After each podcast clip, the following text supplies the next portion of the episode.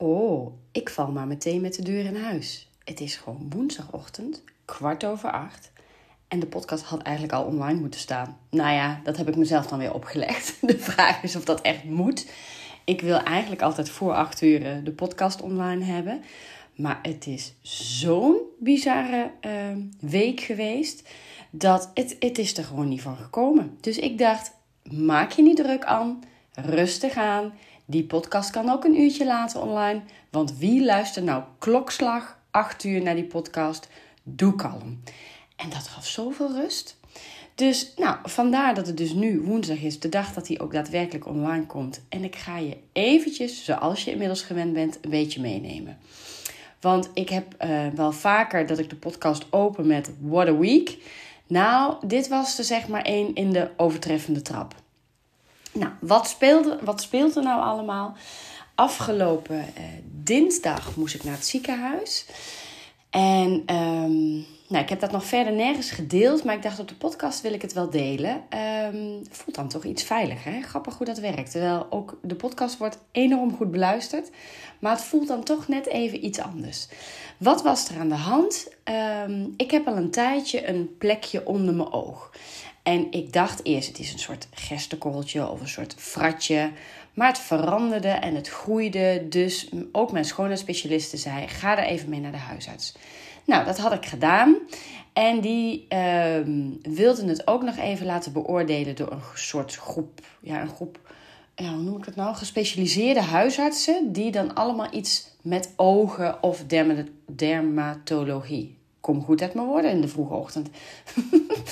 um, omdat hij zei, ja, het is een beetje een atypisch beeld. Ik wil toch eventjes nog door meer mensen laten beoordelen. Nou, prima. Dus ook daar een afspraak voor gemaakt. En ik moest bellen als het zou veranderen. Nou, dat gebeurde in, in die periode. Dus weer terug. Nou, hij, hij vond er wel wat van. En hij zei, ja, ik, ik weet het niet zo goed. Ik denk dat het goed is om gewoon alvast uh, de verwijzing naar het ziekenhuis uh, in te gaan zetten. Want ik verwacht dat ik er niks aan kan doen. Ik dacht, dat tippen ze even aan en klaar. Nou, dat bleek niet het verhaal te zijn. En uiteindelijk moest ik afgelopen dinsdag naar het ziekenhuis om dat even te laten beoordelen. Nou, dan ga je in zo'n zo'n zo'n nou, enorme stoel zitten met zo'n apparaat voor je. Dus die arts die kijkt en die zegt: Oh ja, dit is een tumor. nou, ik pleurde nog net niet van die stoel af. Want wij hebben natuurlijk een um, associatie als het gaat over tumor. Dat je denkt, oh, dat is niet goed. En oh, kanker. En oh, nou, dan van alles roept dat op natuurlijk. Gelukkig, ik zei daar iets over. Ik zei, nou, dat is een lekker vooruitzicht. En nou, dat nuanceerde die meteen. Hij zei, nee, zei hij, dit noemen we wel een tumor. Maar um, we gaan het weghalen en ik ben hier gespecialiseerd in. Dit moet ook echt wel weg. Dat gaan we met een operatie doen. Ook daarvan denk ik dan, nou, hup, brand dat even weg en klaar. Ja, ik ben dan ook een beetje een suffe doos hoor. Ik denk bij alles, oh, valt al mee. Oh, dat is zo gepiept. Nou, dit is echt wel een soort operatie waarin ze het helemaal gaan wegsnijden. Je dus niet tegen dit soort verhalen kan, scroll dan even 30 seconden door. Um, en dan snijden ze eigenlijk onder mijn oog, zeg maar, um, nou echt vanaf dat ja, natte gedeelte noemen we dat wel eens, hè, als vrouwen, waar je het koolpotlood, dat randje in doet. Um, mocht je dat gebruiken. Uh, dat snijden ze in een soort driehoekje weg. Nou, dat wordt dan uh, van binnen en van buiten gehecht. En dan, nou, na een week gaat dat eruit. En dan gaan ze dat op kweek zetten, omdat ze niet met 100% zekerheid kunnen zeggen dat het goed aardig is. Nu, van de buitenkant. Nou, dat is natuurlijk best even een dingetje, maar ik voelde aan alles dat ik dacht: ik hoef me geen zorgen te maken. Ja, zeker is het een beetje spannend, omdat het ook nog wel wat nasleep gaat hebben. In die zin dat hij me op het hart drukte om de hele zomer veel petjes en hoeden te dragen, waardoor die plek, dat oog, ook geen tot weinig zonlicht krijgt. Dus brillen, petjes, hoedjes. Nou, doe er iets leuks mee, maar zorg dat dat goed beschermd is. Nou, nou denk ik dat het altijd goed is om alles wat in de zon komt goed te beschermen. Maar dit is gewoon even een extra kwetsbare plek. Um, ik voelde dus eigenlijk meteen, ik hoef me hier niet zoveel zorgen over te maken. En of terecht of onterecht is, geen idee. Maar ik heb er geen invloed op. Dus ik kan nu nachtenlang wakker liggen van dat oog. Ik kan nachtenlang wakker liggen van die operatie die op korte termijn gaat plaatsvinden. Ik ga het niet doen. Want ja, ik weet het niet. Dus waarom zou ik me nu daar al heel erg druk over maken? Dus ik probeer vooral hele helpende positieve gedachten uh, mezelf te geven. Hè, door ook te denken, nou, tegen die tijd mocht er wel shit aan de, uh, aan de hand zijn, dan zien we dan wel weer. Als ze het echt niet vertrouwen, hadden ze me niet nu nog vier weken op een operatie laten wachten. Dan hadden ze meteen iets gedaan. Um, nou, al dat soort gedachten helpen mij om daarin in ieder geval kalm te blijven en te denken: we gaan het wel zien. Dat betekent dat ik het dus ook best wel snel nou, enigszins los kon laten. En dat ik gewoon weer ouderwets carnaval heb gevierd. Weliswaar maar één dag. Want uh, nou, meer zat er gewoon planningstechnisch niet in. Maar mijn oudste zoon die vroeg een aantal weken geleden... Uh, Mam, zullen wij carnaval zaterdag naar Venlo gaan? Nou, ik kom uit Venlo. En ik heb jaar in jaar uit daar een hele week vastelovend gevierd. Zoals we het daar noemen. En um, ik dacht, wat een leuk idee. Zij vieren al langer uh, carnaval in het zuiden, echt in Zuid-Limburg, met mijn ex-man en zijn vrouw. Zij komt ook uit Limburg. Um, en de kinderen genieten daar eigenlijk ieder jaar enorm van. En naarmate ze ouder worden, lijkt het ook wel of ze het toffer gaan vinden. Dat snap ik ook wel. Dus ik vond het heel leuk dat hij dat voorstelde. En ik dacht, dat gaan we dus doen. Dus wij zijn in alle vroegte opgestaan en naar een vriendin gegaan die uiteindelijk ook meeging met haar kinderen, met haar puber, dochter en zoon. Om daar te schminken, aan te kleden. En toen zaten we geloof ik iets voor acht al in de trein.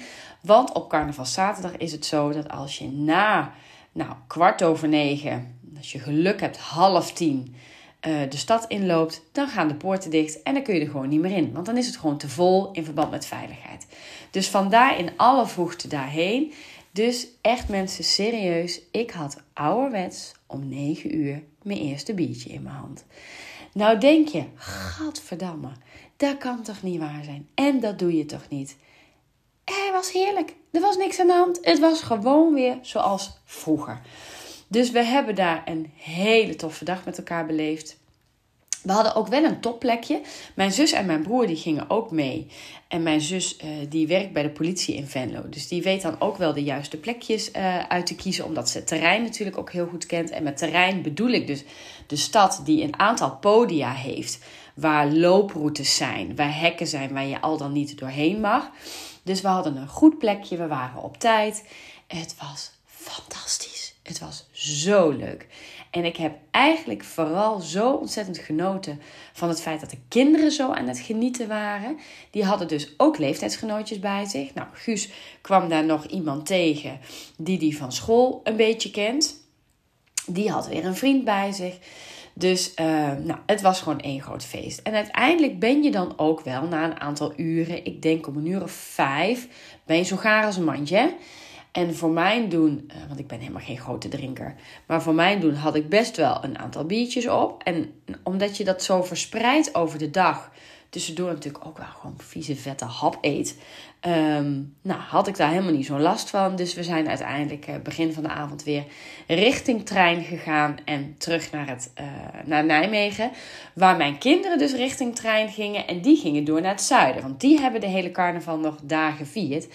Ik kon dat niet en dat was oké, want ik had ehm, maandag en dinsdag, dus gisteren en eergisteren, een tweedaagse met mijn business coach. Dat is Veronique Prins van Je Zaak voor Elkaar. Nou, een zeer pittige tante. Um, een heel warm mens ook, maar, maar neemt geen blad voor de mond, is goud eerlijk. Heb ik denk ik al wel eens eerder iets over verteld. En ik doe mee met een programma van haar, met een aantal, een groepsprogramma met uh, meerdere ondernemers. Nou, in dit geval allemaal vrouwelijke ondernemers. Maar dat hoeft helemaal niet. Even slokje thee. Er zitten ook wel mannen bij haar, maar toevallig is dit een groepje met alleen maar vrouwelijke ondernemers. En um, nou, ik had al eerder contact met haar gehad en iets bij haar gedaan. En ze zei: We moeten echt een volgende stap gaan zetten. Dus ik wil je in het groepsprogramma hebben. Uh, want ik wil jou omringen met meer ambitieuze dames. Omdat ik denk dat dat goed voor je is uh, om ja, ook vrouwen te zien die een stap verder zijn. Ook vrouwen te zien die wat minder ver zijn in hun business. om te voelen waar jij staat. Nou, heel verhaal, prima. Dus dat was uh, de afgelopen twee dagen was er een soort kick-off van. En nou, dat was een soort magisch gebeuren. Het was een fantastische locatie. Prachtig hotel. Een beetje een, een, ja, een, een Franse Parijs-achtige stijl. Ik heb geen idee of je dan snapt wat ik bedoel. Maar dat riep het. Er werd ook Franse muziek voortdurend gedraaid de hele dag. Dus misschien dat, van, dat dat mijn associatie is. Maar het was zo kleurrijk en met bloemen en warm. Uh, het straalde ook zoveel warmte uit. Dus het was echt een fantastische locatie. We werden qua eten en drinken ook niet normaal in de watten gelegd. Zo lekker gegeten en gedronken. Ik ben daar ook uh, blijven slapen omdat, uh, nou, dat werd ook wel een beetje aangeraden. En de meeste van ons hebben dat blijkbaar ook gedaan. Je gaat dan toch ook in een soort bubbel. Het was in Gouda, dus het is ook echt niet om de hoek.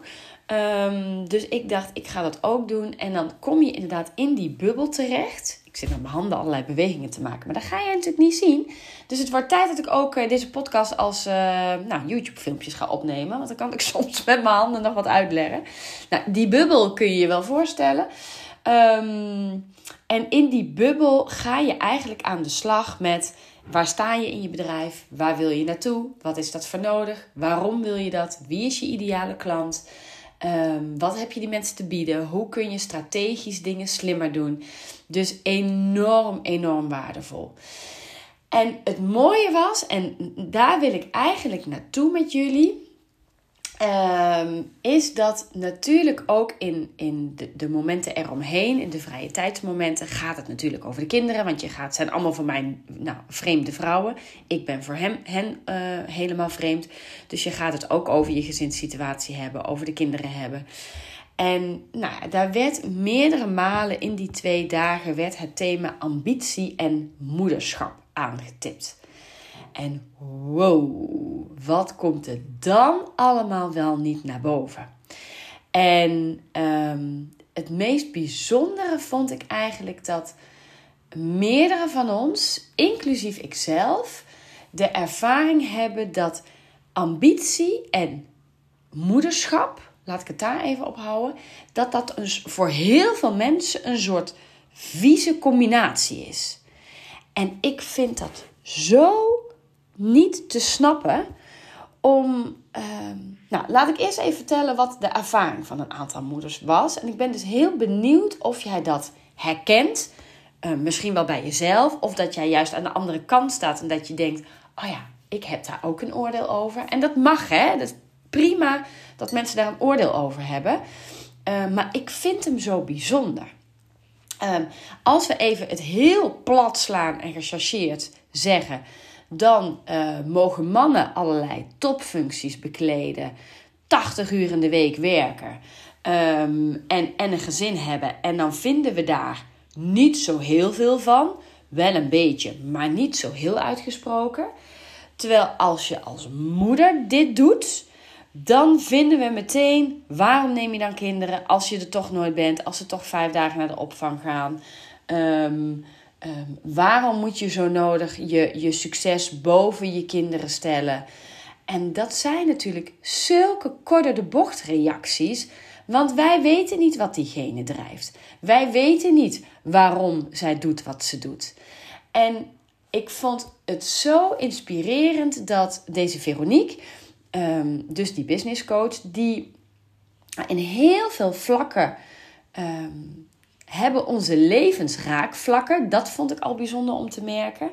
Uh, zij is ook gescheiden. Zij heeft kinderen ook een tijdje. Uh, nou ja, weliswaar met een partner op afstand, maar toch een soort van alleen opgevoed. En um, heeft ieder dubbeltje moeten omdraaien. Um, nou, heeft ook behoorlijk wat teleurstellingen in haar leven te verwerken gehad. Heeft ook hele toffe grote hoogtes uh, meegemaakt. En heeft uiteindelijk de liefde van haar leven weer gevonden in Co. En Co komt ook regelmatig voorbij in haar leven. Nou, hè, ik heb natuurlijk een high Co. Dus daar hebben we vreselijk over gelachen. Want ook haar man zit in haar bedrijf. En nou, mijn Co zit natuurlijk ook deels in het bedrijf. Dus nou, dat, dat schept al toch een soort van band. In ieder geval van mij naar haar. Ik weet niet hoe zij dat voelt, maar van mij naar haar voelt dat zo. En zij kon heel mooi vertellen dat ze zei Ehm, ik ben heel vaak afgerekend op het feit dat ik een droom te leven had. En nou, in haar geval was die droom ehm, zorgen dat het financieel allemaal echt goed geregeld is. Dat betekent dat zij um, nou, een tijd terug een aanbouw aan hun huis hebben gedaan. Waardoor als een van haar ouders weg zou vallen, de andere ouder uh, bij hun in kan wonen op een eigen plekje. En ze 24-7 zorg kan inhuren. Want ze zei: Ik wil kosten wat kost niet dat mijn ouders naar een verzorghuis gaan. Nou, daar, heeft, daar kunnen wij ook van alles van vinden. Maar zij heeft daar haar redenen voor. Zij wil heel graag, dat is al heel lang een droom. wil zij ehm, ehm, een huis in Frankrijk. Dat heeft ze gewoon en dat wil ze gewoon afbetalen. En daar wil zij enerzijds zelf met haar gezin natuurlijk uh, kunnen vertoeven. Ze heeft een, een, een oudere zoon en dochter, ouder dan die van mij. Nou, ongeveer tien jaar ouder. Waarvan de eentje nu uh, een kindje verwacht. Um, en ze zegt: Ik wil heel graag tijd en herinneringen. Uh, tijd doorbrengen, herinneringen maken met mijn gezin. Want ze heeft een enorm sterk en warm gezin. Um, en ze zegt, en de tijd dat wij hier zelf geen gebruik van maken, wil ik dat anderen hier gebruik van kunnen maken. Mensen die het niet kunnen betalen. Mensen die even tijd voor zichzelf nodig hebben. Mensen die um, afstand nodig hebben van alles en iedereen. Mensen die um, door omstandigheden misschien al een hele tijd niet meer op vakantie hebben kunnen gaan. Dus bij haar zit er altijd een dubbelheid. Nou, er ging dus een wekkertje af en dan stopt die automatisch. En dan ben ik altijd heel bang dat ik alles kwijt ben. Dat valt volgens mij mee. Dus er komt even nu een deel 2.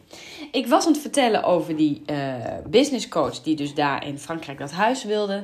Nou, ze zei, daar heb ik alles voor op alles gezegd. Want ze zijn al jaren aan het zoeken, maar het was altijd net niet. Ze wilden en zeezicht en een zwembad en heel veel kamers en een mooie tuin. En nou, echt, echt Dynasty Dallas-achtig.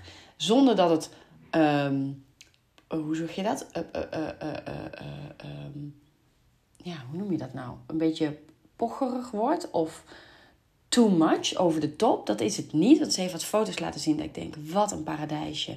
Zonder dat het echt over de top is. En al was dat wel geweest, was het ook prima geweest als zij dat wil.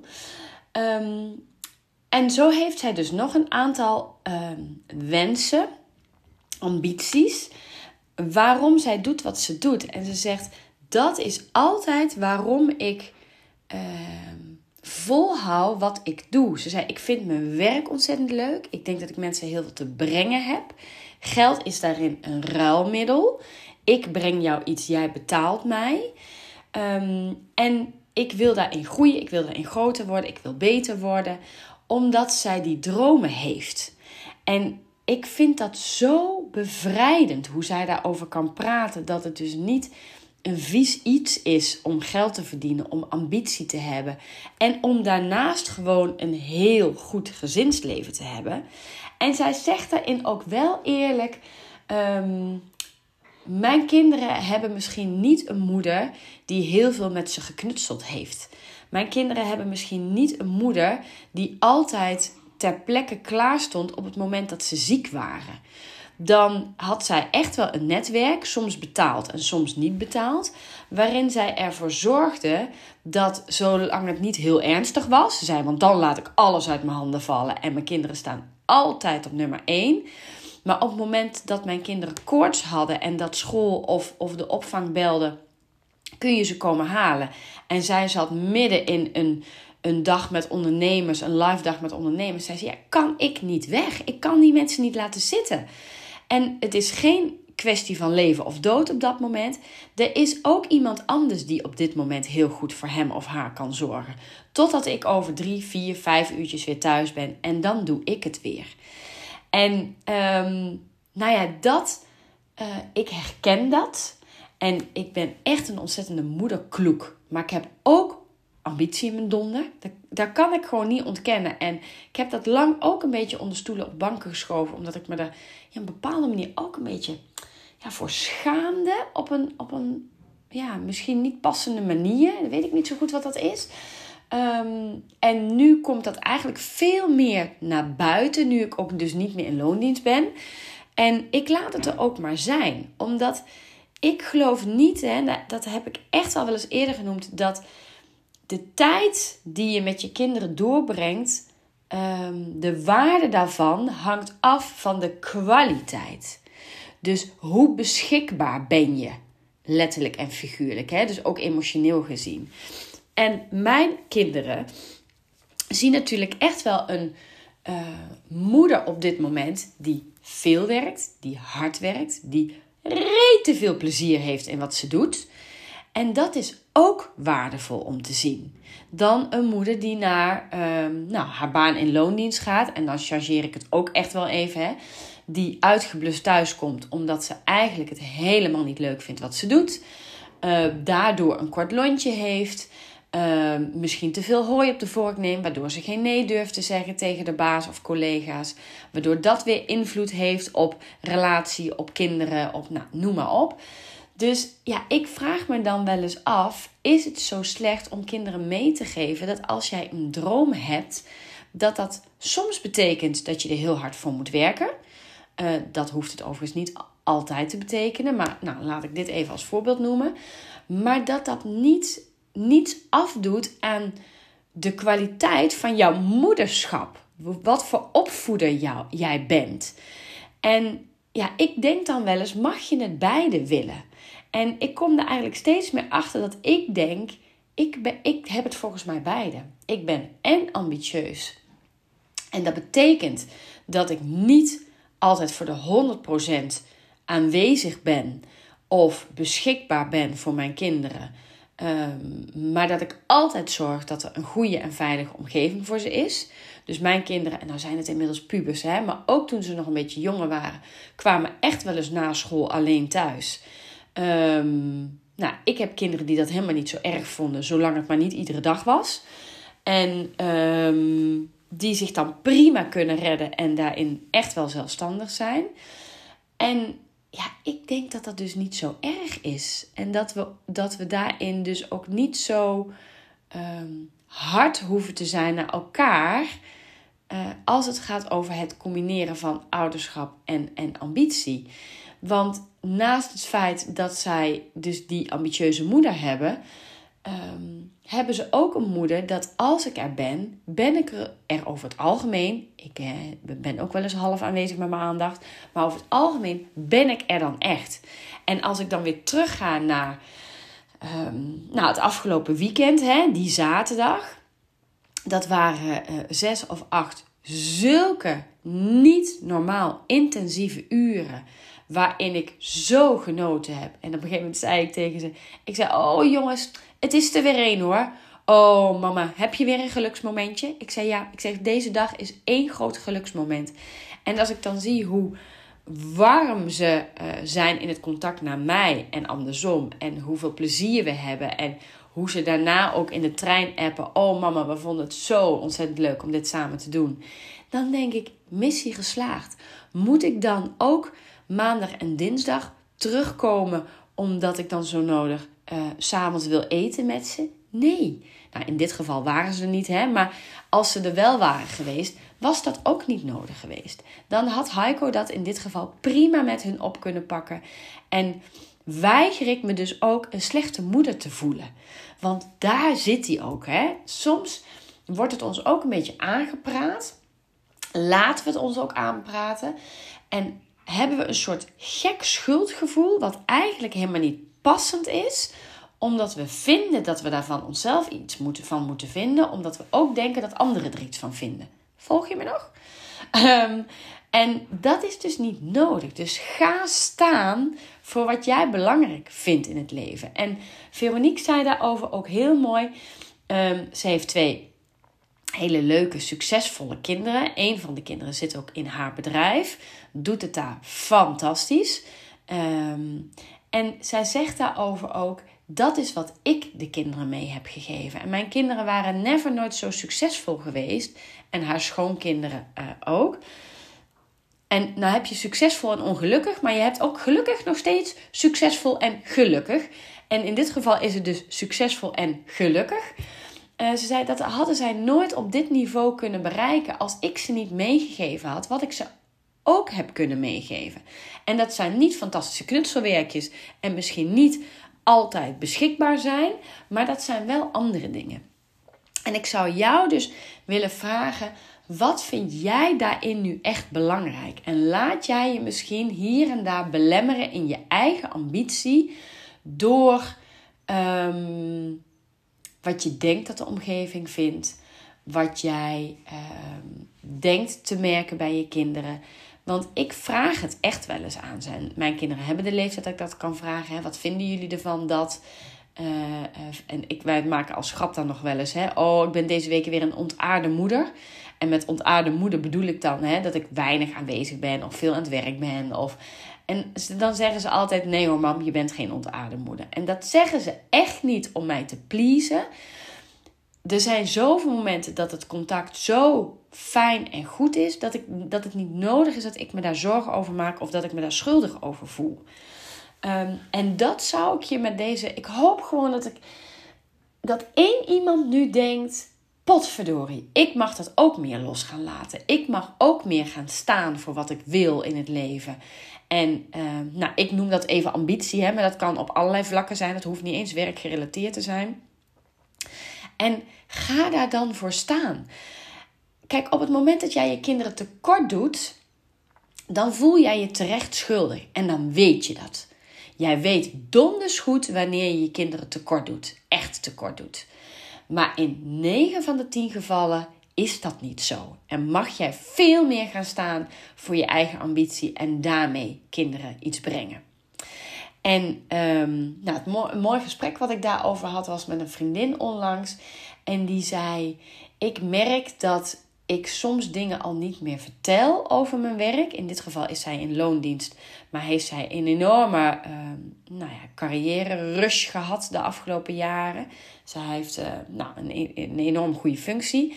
En ze zei: Ik vertel het heel vaak niet eens meer, omdat mensen dan toch meteen een oordeel hebben. Of ik denk dat ze het hebben, vulde ze later aan op het feit dat dat betekent dat ze ook best met enige regelmaat Ehm, ehm, in het buitenland zit. En haar man vangt heel veel op, maar heeft ook een, een pittige baan. Dus ja, die kinderen zijn soms ook op zichzelf aangewezen.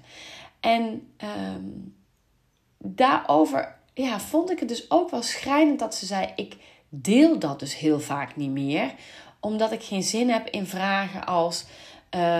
maar jeetje, hoe doe je dat dan met, met de kinderen? En wat vinden de kinderen daarvan? En zij, en eigenlijk mogen ze me dat best wel vragen. En tegelijkertijd triggert het ook iets waar ik heel na van word. Omdat ik er ook een ondertoon in hoor dat het niet een oprechte nieuwsgierigheidsvraag is, maar meer een verkapt oordeel van zou je dat nou wel doen? En trekt het niet een te grote wissel op je gezin? En is geld nou wel zo belangrijk? Terwijl zij zegt, het is me al lang niet meer om dat geld te doen. Maar dat geld zorgt er wel voor dat ik die kinderen iets kan bieden uh, wat ik misschien anders niet zou kunnen. En alles is goed. Uh, en dat voel ik ook heel erg met haar mee. Alles is daarin goed. Maar accepteer ook dat anderen daar andere keuzes in maken. En veroordeel dat niet. En eigenlijk wil ik hem daar gewoon mee afsluiten. Dus um, nou, ga eens bij jezelf na. Hoe sta jij in het leven en welke ambitie onderdruk jij wellicht? Ehm, of laat je niet helemaal tot zijn recht komen? En waarin veroordeel je misschien anderen op het feit dat ze dat wel doen? En um, nou, denk daarover na. En als er nu ook maar één iemand is die luistert en die ik getriggerd heb, of die ik aangezet heb, of die denkt: potjan, drie dubbeltjes, dit geldt voor mij. Laat het me dan alsjeblieft weten. Dat zou ik echt heel leuk vinden. Want nou, een van mijn doelen is om me iets meer te gaan omringen met, met ehm, ambitieuze vrouwen. Nou, en ik heb daar een mooie start mee gemaakt. Want in de uh, groep waar ik gisteren en eergisteren mee was, zitten zeer ambitieuze vrouwen. Die ook allemaal, bijna allemaal een gezin hebben. En die dat op een of andere manier combineren. Uh, dus ik voelde zo'n openheid daar om uh, daarover te kunnen communiceren. Dat ik dacht, zo waardevol, zo waardevol. Dus laat het me weten. Um, en Nou, ik wens jou een fantastisch mooie dag. Heb het goed met elkaar en uh, we spreken elkaar snel weer. Hey, tot dan. Doei doei.